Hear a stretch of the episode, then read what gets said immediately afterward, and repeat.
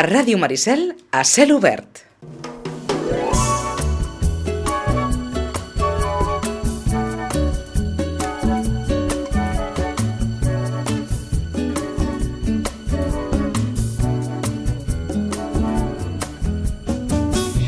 Bé, la història és aquesta. El 1985 fa gairebé 35 anys, el polifacètic Josep Maria Espinàs, que aleshores en tenia 58, Isabel Martí, que en tenia 26, i era mestre de professió, treballaven junts a Enciclopèdia Catalana.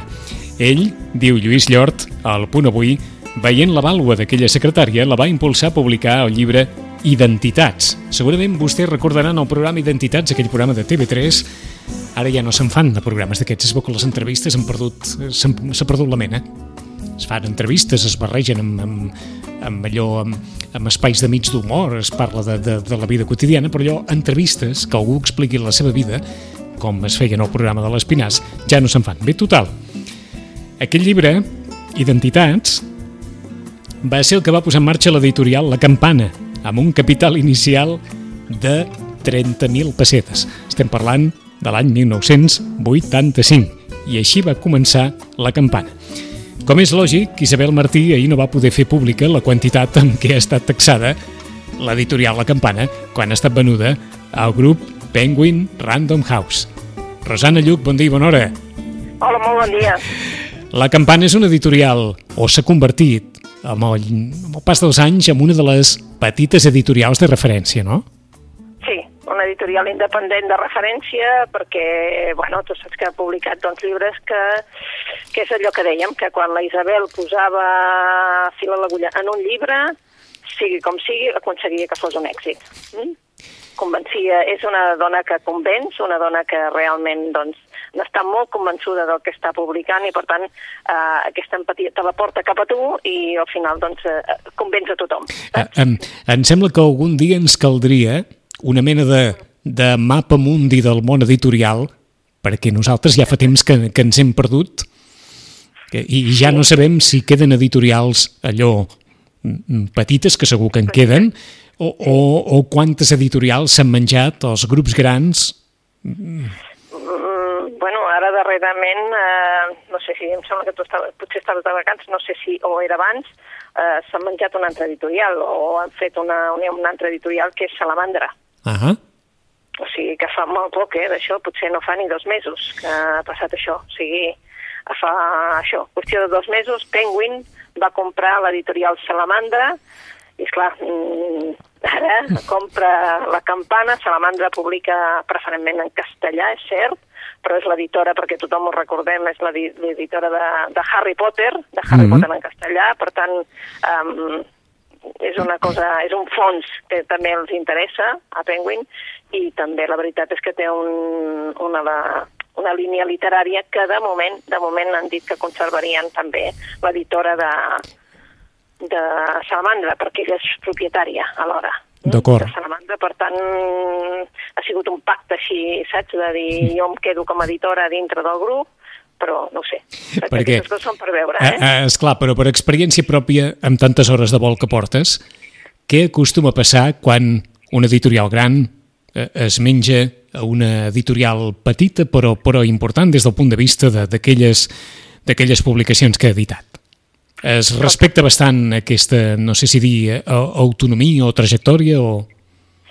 Bueno, sembla que això depèn també bastant de, del contracte que hagin fet, saps? Però bé, es veu que, clar, eh, si ho compra una empresa tan gran, eh, el que vol és eh, llibres que arriben a un públic molt gran, també. Els números són diferents. Tu Mhm. saps que quan es publica un llibre en català d'una editorial independent, doncs va, va, va fent, va fent, va fent, però, clar, arriba a un públic. I jo crec que ells el que tenen són grans números, eh? Per tant, estan pensant en dir, bueno, quan publiquem un llibre ha de ser boom, eh? Allò que es diu en castellà, un pelotazo, Sí. és això. Eh? Eh?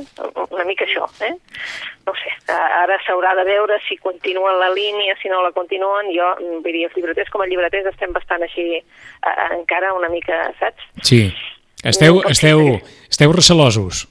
Sí, sí, sí, perquè, esclar, és, um, a veure, uh, s'ha de dir que tots tenim molt bones mm, relacions amb Penguin Random House i sobretot amb la Núria Cabotí, que és la, la diguem-ne, la, la CEO, la, la, la que fa tots els tractes, etc. però bé, tenim por de que aquesta independència que tenia la campana, d'aquesta independència que tenia Salamandra, la tingui ara també. Uh -huh.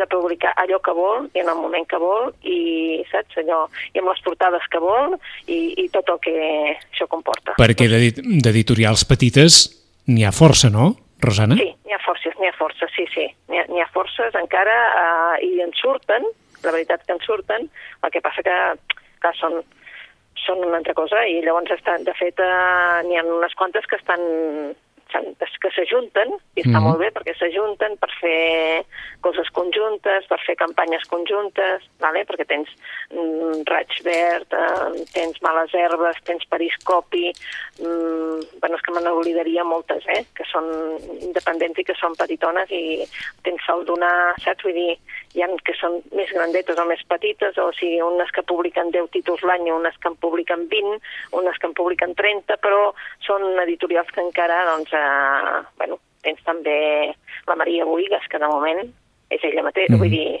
és ella, no? I tens edicions de 1984, que també és, és independent. O sigui que, bueno, encara quan ens crema no ens n'oblidem, Mhm. vale? que té també... Eh, és que, a, a veure si acabarem pensant que és més fàcil muntar un editorial que no viure dels llibres. No, pobres, eh, que muntar un editorial també ha de ser molt, molt, molt, molt, molt, molt allò amb molta, molta il·lusió, però també ha de ser una cosa dura, eh, Ah, suposo.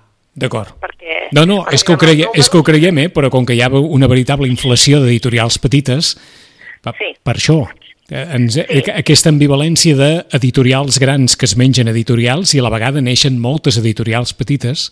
Petitones, però la veritat és que la majoria d'aquestes editorials petitones ja t'ho diuen, que són ells mateixos amb una persona que ajuda, mm, però Ja. clar, no tenen ni el saps? ni el departament de màrqueting, ni el departament de producció, ni el departament... Tot el departament són ells. D'acord, la, la, mínima, la mínima expressió d'una editorial, eh? Exacte. La mínima Són- expressió. Sí. Eh? Vull dir que hi ha alguns que doncs, potser han contractat un, un servei amb algú perquè, esclar, no, no hi és pròpiament a l'editorial. Mhm. Són gent que, això sí, són llibres molt escollits, són llibres que ells volen editar i, bueno, mm, mira, a veure si ara... Bueno, és que mm, si féssim allò, un dia sí que és veritat que hauríem de fer com a un, un mapa que tu dius o un, allò, És que- una llista de tots aquests editors petitons que estan fent una feina terrible, terrible, perquè, és clar per la, és una feina terrible també pel llibreter posar-los a les taules, Mhm. saps? perquè s'ha de primar també, no? Allò Per, dir, bueno, per això, per això, perquè, perquè arriba un moment en què ens hem perdut, hem perdut el món de vista amb tantes editorials, eh? Per, per això mateix eh, ho diem. Estem a ple estiu, però, i Sí. a ple estiu, de gotets de novetats, poques. Són les que han sortit els darrers dies. Dies. Eh? De, de, sí, darrers dies de juny i, i llavors doncs ara estem amb això. Eh? Les, eh, juny, juliol, normalment molta gent fa el catàleg conjunt Ah. i, i, i llavors doncs, bueno, són aquestes, la veritat és que són aquestes. Per tant, el que s'escau a ple juliol són recomanacions de lectures d'estiu. Exacte.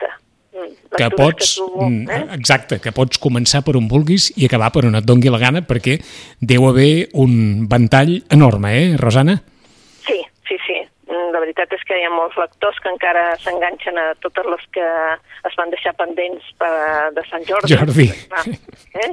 Sí, perquè com que en van sortir tantes, doncs dius... Una, i, I és això, també veus, aquest tema que dèiem de, de les eh, editorials petitones, quan ve una cosa com Sant Jordi, queda tot col·lapsat de títols que són majoritàriament doncs, aquells de, de grans grups, i llavors, clar, l'espai potser queda més reduït, i llavors quan tens juny, juliol, tens més espai per Ai. dir, bueno, no, tu, eh, ara que també vegin que també hi ha els altres, no? Vull dir, i llavors encara que faci doncs, tres mesos que s'han editat. Doncs val la pena considerar tots aquests treballs de les editorials petites que per Sant Jordi gairebé queden, a- queden arraconades per la, vaja, per la publicitat i per Sí. tot allò viral de les editorials grans. Per on podem començar les recomanacions, Rosana? Bueno, doncs mira, com- començaríem per aquells que no... Perquè veus, també passa que de vegades un llibre és... Mm, normalment és, és un llibre que s'ha s'ha venut en castellà i l'editor decideix que el fa en català. De fet, és una, quan et passa això, a nosaltres ens sobta sempre, als als llibreters sempre ens sobta perquè diem, bueno, escolta, és que potser no hi ha tant de públic per llegir-lo ara. a vegades passa que, bueno, s'equivoquen de números, però vaja, un dels llibres que, que s'ha venut darrerament i es va vendre perquè doncs, va sortir en un moment en què l'autor l'autor és el Domingo Villar, mm -hmm. que era la tercera novel·la que feia, feia 10 anys que no feia una novel·la ell es dedica a novel·la que feia 10 anys, i ens va publicar l'último barco. Vale? Això va ser just abans de Sant Jordi, com aquell qui diu, i ara, el juliol, surt en, en columna l'últim vaixell. L'han traduït, han decidit que, doncs, que es venia moltíssim en castellà, la veritat és que porta, no sé si set edicions ja en castellà, i l'han decidit traduir al català. Eh? Bé, és una d'aquelles coses que a nosaltres veus en de sobte, vull dir, perquè dius, bueno, vols dir que no se l'hauran llegit ja. Eh, exacte, exacte almenys, clar, com que ningú no havia avisat de que sortiria en català, doncs, clar, tu li deies amb... Clar, no els deies amb... I, a més a més, els dos anteriors no hi són en català.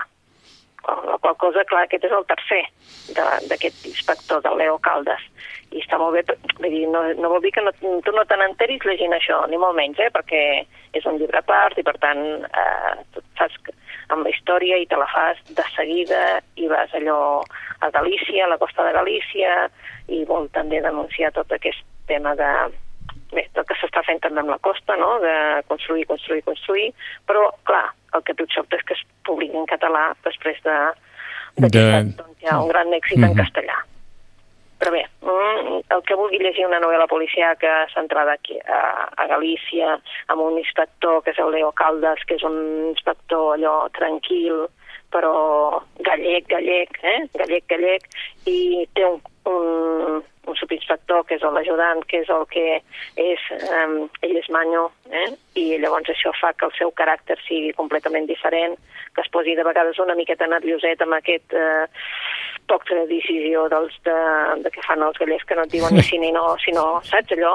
Això és el que passa a la novel·la i fa... Uh -huh. Hi ha moments també com a molt divertits dintre la novel·la, malgrat que és una novel·la policiaca. D'acord. Una recomanació que per aquells que la vulguin llegir ara en català, que no l'hagin llegit en castellà, però que sàpiguen que de moment els dos anteriors que és la playa dels Ahogados i Ojos de Agua, no hi són en català de moment. Mm -hmm. de doncs, moment. de moment, qui vulgui, l'últim vaixell de Domingo Villar, acabada de sortir la traducció, porta ja unes quantes edicions de novel·la en castellà que s'està venent molt bé, novel·la policíaca centrada a Galícia, amb un inspector a la manera gallega i un ajudant a la manera manya. Per tant, una combinació d'aquelles que des d'un punt de vista literari mm, dona molt de sí. Per on seguim? Seguim per una que aquesta sí que és per lectors que vulguin llegir una novel·la literària sobre sobre el dolor materno-filial, les relacions eh, que de vegades no són tot el, tot el boniques que haurien de ser, eh, El verano en que mi madre tuvo los ojos verdes, de Tatiana Tibuleac. Eh? Um, un trosset perquè us adoneu. Sí. Aquella mañana en que la odiaba más que nunca, mi madre cumplió 39 años. Era bajita y gorda, tonta y fea. Era la madre más inútil que haya existido jamás. Yo la miraba desde la ventana mientras ella esperaba junto a la puerta de la escuela como una pordiosera. La habría matado con medio pensamiento. Junto a mí, silenciosos y asustados, desfilaban los padres. Un triste atajo de perlas falsas y corbatas baratas, venido a recoger a sus hijos defectuosos, escondidos entre los ojos de la gente. Al menos ellos se habían tomado la molestia de subir. A mi madre yo le importaba un pimiento, al igual que el hecho de que hubiera conseguido terminar unos estudios. Bé, ja veieu que la relació, diguéssim, una sí. mica difícil sí que pot ser. Eh? Mira, m'ha fet pensar, perdó ara, perquè sí, eh? Eh, tots aquells que quan estudiaven filosofia recorden Jean-Paul Sartre i allò de mi padre és un podrido, doncs mira, doncs, m'hi eh? ha fet pensar. Tot i que les crítiques les crítiques d'aquesta novel·la són sensacionals, pel que llegim, eh? de Tatiana Tibuleac. Sí, és, no sé ben bé com se deu pronunciar, jo tampoc. Dir, però, eh? però bé, eh, ella va néixer a Moldàvia i, mm, però no resideix allà i la veritat és que ens està parlant eh, mm, no sé si has llegit alguna crítica, veuràs que diu que, no, eh, que ningú no es confongui, que la relació amb sa mare és perfecta, que no té res a veure amb, amb la relació amb sa mare, però que sí que li va venir de cop aquesta impressió per escriure aquesta novel·la i li va venir de gust. Eh? I és un personatge, l'Alesky, és un personatge que en, en aquest cas recorda l'últim estiu que, que va passar amb la seva mare. Mm -hmm. Aquest tros al començament és quan ell és petit. I per què? Per què té aquesta visió de la mare? Perquè a la mare eh, se li mora una filla, la germana de, de l'Aletsky, i a partir d'aquell moment és com si ell no existís. Ell nota que ell no existeix, que l'ha deixat de banda, que només, mm, diguéssim, s'enfonsa amb la, amb, per culpa de la, de la, de la mort de la seva sí. filla i no recorda que en té un altre i que hauria de lluitar per aquest fill i que hauria de... Ell se sent totalment uh, arraconat, que no li importa absolutament a ningú. Uh, llavors, uh, l'Aleschi el que fa és mm, doncs, recordar aquest últim estiu de, amb sa mare i bé, què és el que passa? Doncs el que passa és que la seva mare està patint l'últim estiu l'últim estiu de, de la seva vida, perquè ha tingut, té, un, té una malaltia que té una malaltia terminal i per tant ell sap que és eh, l'últim estiu. Eh, si ara, evidentment, l'Alexi és gran eh, i el que mm, està, evidentment, les seves relacions són completament són completament diferents, però clar, uh mhm. -huh. què passa quan et fas gran i tu no has tingut aquesta bona relació amb ta mare? Per molt que ara la seva, la seva mare s'estigui morint, ell ho sap, i ara intenten recuperar tot allò que havien d'haver detingut com a mare i fill.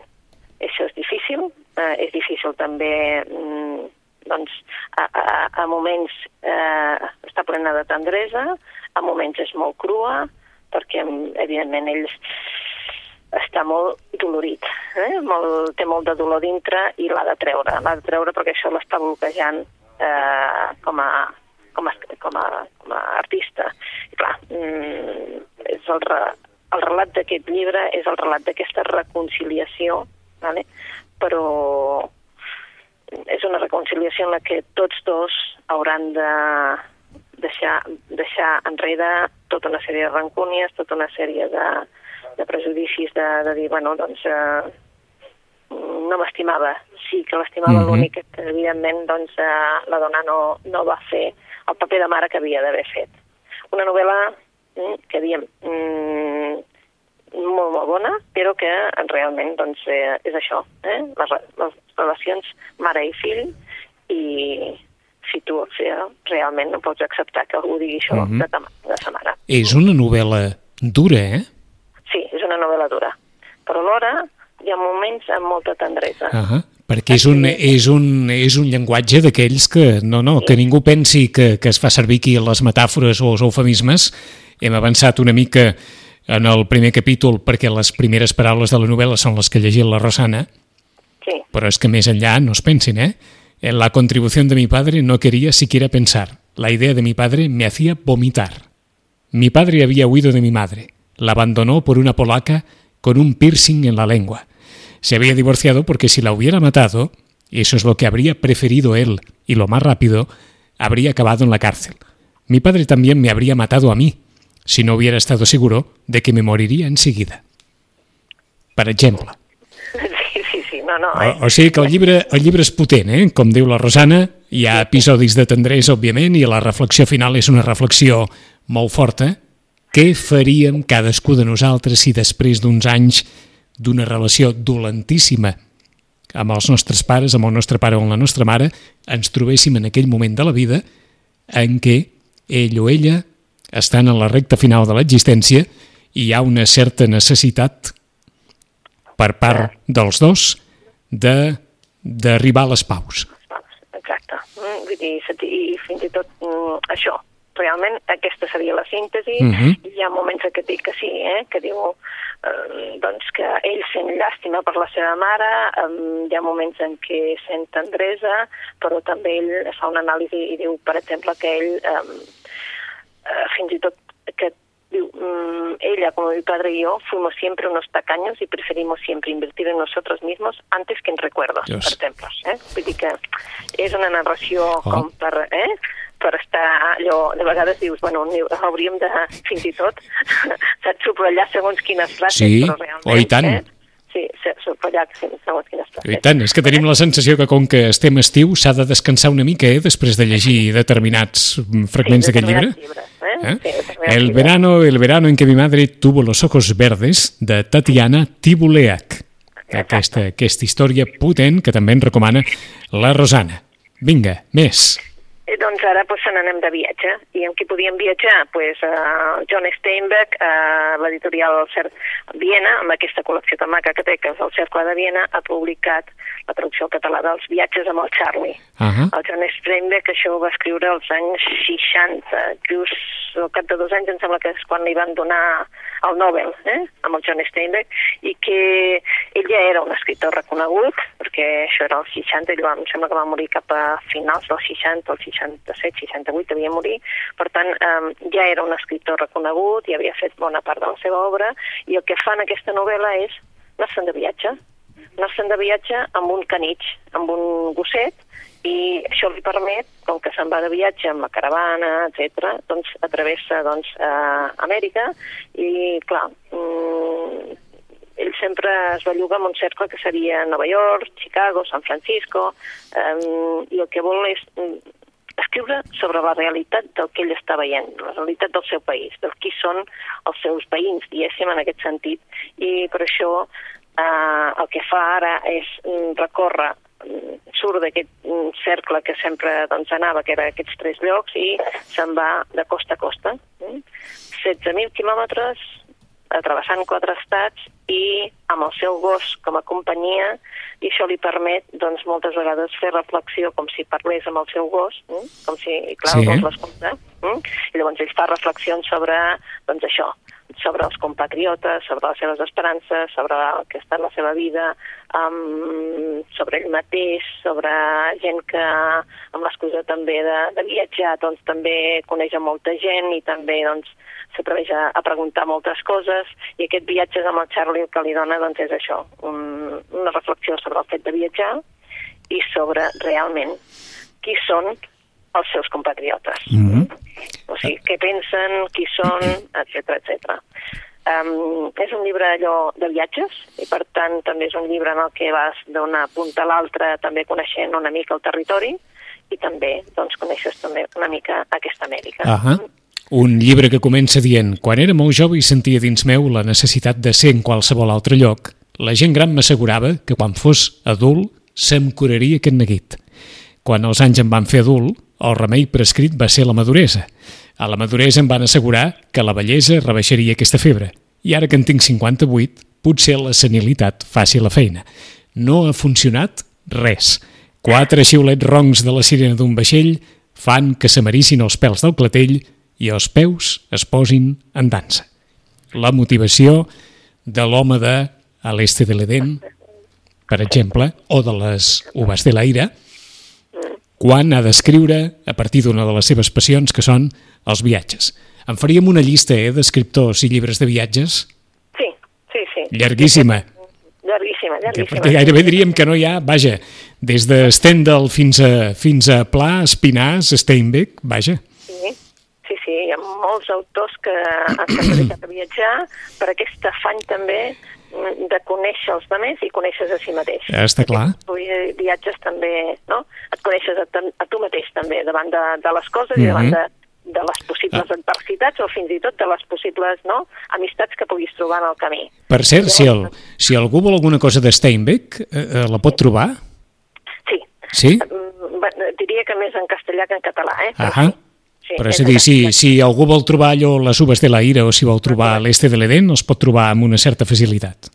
Sí, sí, sí, Sí. estan publicades amb Aliança o eh, també Homes ratolins, uh, Homes ratones, sí, Ahà. sí, sí, sí, estan publicades. Eh?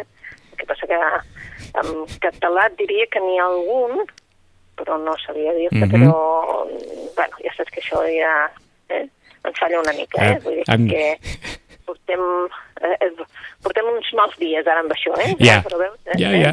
Vull dir, Ah. perquè veus en castellà sí, eh, fins i tot Asteroide té publicat eh, un altre, i bé, dues Mhm. uh -huh. sí, saps, amb Aliança, el que et deia, amb Aliança n'hi ha bastants, amb, Ara també amb, eh, s'ha publicat també fins i tot per joves a de ratones i ombres, així més, eh, diguéssim, més abreujat. Sí. Com Austral, Nòrdica també li ha publicat alguna Mhm. cosa. En qual... Hi ha llibres de l'Steinbeck, eh? Uh -huh. En qualsevol cas que vulgui un Steinberg en un altre registre, Viatges amb el Charlie, Sí. traduït per Marc Donat, acabat de sortir aquest eh, Steinbeck viatjant amb el seu canix. I amb què acabem, Rosana? No sé si acabar amb una, un prec amb els editors en català o acabar amb un altre llibre, perquè veus sense Home. mort, sense mort en Camilleri, eh? Sí, Sense mort en sí, Camilleri sí. i, i aquests dies que d'això. I, i, I clar, tu hi dius, bueno, i ara com ho faig això? Com explico que la majoria dels llibres del Camilleri en català hi són en butxaca, però Oh. que no podem trobar les edicions de, de trade normal, de les, les, les edicions en gran. Cosa que la gent, clar, eh, et diu, és que jo no ho vull, perquè és que no, no ho veig bé això, vull dir, necessito l'altra edició. I l'altra edició en castellà, veus, la publica Salamandra, Salamandra té tota la col·lecció del Montalbano, ojo, eh? Del Montalbano. Del que no és Montalbano ho té Destino en castellà. Uh -huh. Però, en canvi, en català, eh, sort que tenim butxaca, eh? Sort que tenim la butxaca, perquè si no ens hauria passat que se'ns mort el Camilleri i no tenim ni un llibre per dir, escolta'm, Camilleri, eh? Que la veritat és que ha sigut un dels autors que la gent ha vingut a buscar a la llibreria. Això sí que s'ha de dir que, que sí, eh? Estava, gent- eh, estava predestinat, això, eh? Sí, sí, sí, estava predestinat. Eh, mm, Ja sabíem que estava molt, molt malalt i, per tant, sabíem que, bé, les coses, no? Vull dir, també tots tenim un final. Mm -hmm. Ja- Camilleri. Camilleri, que reconeixia obertament, i, i recordo que, que el fragment de la- de l'entrevista es va passar diverses vegades, fins a quin punt Vázquez Montalbán el va fer descobrir una nova forma de, de narrar, De narrar, sí, sí. perquè ell no estava gens satisfet de com es desenvolupava la trama de les seves novel·les i a partir de, de les converses i de la lectura de Vázquez Montalbán va, va, allò, va viure una, una catarsi interior i va, i va canviar la forma de narrar i a partir d'aquí això ha estat, en, en, en fi, un dels clàssics de contemporanis, no? Sí, la veritat és que que, sí. Eh? La veritat és que sí, a més a més amb, amb una afluència de, de títols que, com que ha estat els últims anys, que va començar a escriure tan, tan tard, diguéssim, a publicar tan tard, doncs clar, mm, hem tingut Camilleri quasi cada any, com Eh. eh. aquí diu, no? I, bueno, tothom l'esperava, no? el Camilleri, Camilleri. Doncs, doncs, eh, Doncs en, en, en castellà podeu trobar tota l'obra amb el comissari Montalbano amb unes bones edicions i en català, malauradament, no, no podreu sortir de les edicions de butxaca, que per aquells que... que... Els últims dos llibres, que això Ahà. sí, els darrers, darrers, darrers, sí que són amb... amb, amb Està clar, amb- però qui vulgui allò una mica allò començar des del principi haurà de tenir la vista afinada perquè si no la- l'edició és l'edició de, de, de butxaca. doncs fem un repàs a les recomanacions de la, de la Rosana per avui. Hem començat amb aquesta traducció acabada de sortir de El último barco de Domingo Villar, l'últim vaixell, acabada de sortir la traducció, l'inspector Leo Caldes, novel·la policíaca centrada a Galícia amb un ajudant que és manyo i que promet allò situacions mm, interessants de, de viure. La novel·la més dura que ens ha comentat la Rosana, de Tatiana Tibolea, que el verano en que mi madre tuvo los ojos vedres, verdes, aquesta relació difícil entre mare i fill, però que d'alguna forma s'ha de reconduir abans que la mare mori. De John Steinbeck, els viatges amb en Charlie. En Charlie és un canix i el viatge és un viatge de 16.000 quilòmetres per tota Nord-Amèrica, per tots els Estats Units dels anys 60. I hem finalitzat recordant tota l'obra d'Andrea Camilleri, que es pot trobar bé en, en castellà, en, en edició, en bona edició. Els darrers llibres també es poden trobar en bona edició en català i si no en edició de butxaca. En 15 dies tornarem amb la Rosana Lluc amb les recomanacions literàries de ple estiu. Rosana, bona lectura. Bona lectura a vosaltres. Adéu-siau.